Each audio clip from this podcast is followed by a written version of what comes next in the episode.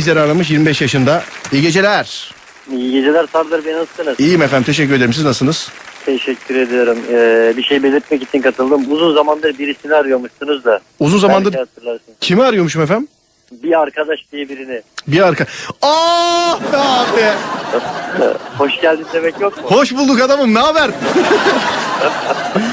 ya bir şey söyleyeceğim. Ee, kime kime sormuş olsak işte sevgiliniz var mı? Var. Kim tanışırdı? Bir arkadaş tanışırdı. O arkadaşın sen olduğu nice zaman aklıma gelmedi vallahi Aziz Aslan ya. Aslan gibi Ee, adamsın. yani zor. Kendimizi belli etmeyince olmuyor. Anladım. Bu şekilde Fakat e, sevgili erkek arkadaşlarına e, sevgili tanıştırarak mesleğinin ne olduğunu sormamıza gerek yok galiba.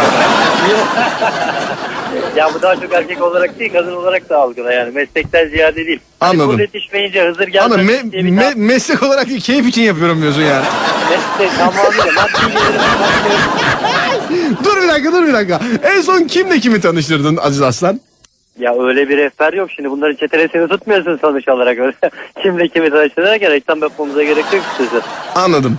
Peki e, ailen senin böyle şeylerden keyif aldığını biliyor mu? Böyle şeyler he, ailemiz yok ki.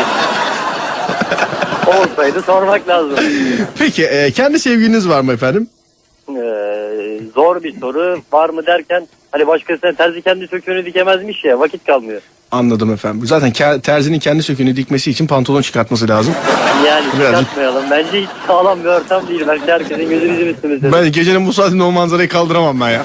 Ya, Gerek yok bence. Peki Aziz Aslan, e, bunca kişi neden senden bir arkadaş diye bahsediyor?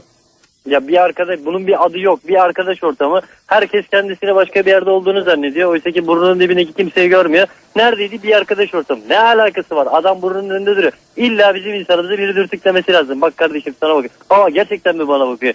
Ya sen de biliyorsun.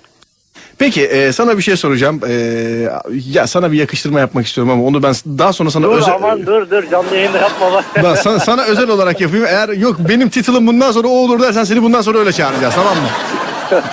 Peki bir hanımefendi e, sana bir kafeteryada bakıyor ve hakikaten bariz bakıyor yani. Hayır gözleriyle yedi derler ya. Öyle bir Evet. şekilde sana bakıyor. Kendisine gidip yaklaşacağın e, bariz belli. İlk cümlen ne olur? Abi cümle değil. Eğilir boynundan öperim.